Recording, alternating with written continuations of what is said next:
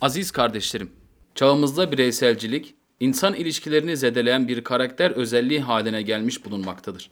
Menfi anlamda kendi menfaatinin öncelenmesi anlamını içeren bireyselcilik, insanları bencil kılmaktadır. Fedakarlık ve vefa duygusunu zayıflatmaktadır. Bu durumdan ise en büyük zararı toplumun çekirdeği olan aile kurumu görmektedir. Aile bağlarının zayıfladığı ve insanların yalnızlığa mahkum olduğu bir dönemden geçmekteyiz. Yalnızlıktan kaynaklı melankoli ve depresyon kitlesel bir hastalığa dönüşmüş durumdadır.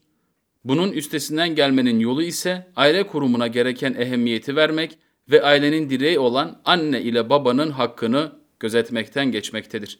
Değerli müminler, İslam ahlakının en belirgin vasıflarından birisi anne baba hakkının kutsiyetidir. Kur'an-ı Kerim'de Yüce Allah şöyle buyurmaktadır.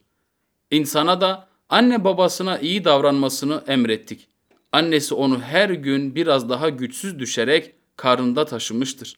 Onun sütten kesilmesi de iki yıl içinde olur. İşte onun için insana şöyle emrettik. Bana ve anne babana şükret, dönüş banadır.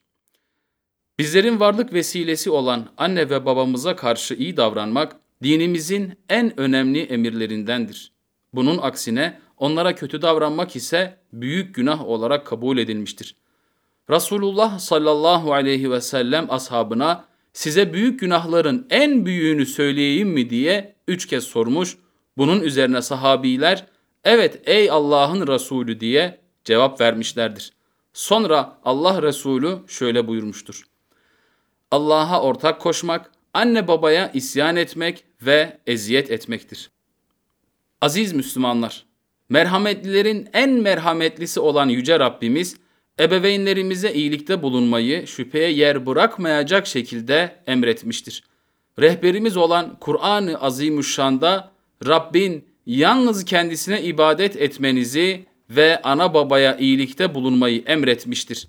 Eğer ikisinden biri veya her ikisi senin yanındayken ihtiyarlayacak olursa onlara karşı öf bile deme. Onları azarlama. İkisine de hep tatlı söz söyle. Onlara rahmet ve tevazu kanatlarını ger ve Rabbim onlar beni küçükken merhametle yetiştirdikleri gibi sen de onlara merhamet eyle de diye buyurulmaktadır. Ebedi önderimiz olan Peygamberimiz sallallahu aleyhi ve sellem Efendimiz de Allah Teala'nın rızası anne ve babayı hoşnut ederek kazanılır. Allah Teala'nın gazabı da anne ve babayı öfkelendirmek suretiyle celbedilir diyerek meseleye dikkat çekmiştir. Kıymetli cemaat, özellikle anne ve babamızın yaşlılık dönemlerinde daha hassas olmalıyız. Onları kırmak ve incitmekten çekinmeliyiz. Peygamber Efendimiz sallallahu aleyhi ve sellem anne ve babasına veya onlardan sadece birine yaşlılık günlerinde yetişip de cennete giremeyen kimse perişan olsun, perişan olsun, perişan olsun diyerek onlara yapacağımız iyiliklerin karşılığında cennete nail olacağımızı, kötülüklerin ise cezasız kalmayacağı uyarısını yapmıştır. Kardeşlerim, onlara sırt dönmeyelim. Her daim gönüllerini alalım. Pandemi zamanında belki gerektiği gibi ziyaret edemedik. Şimdi ihmal etmeyelim.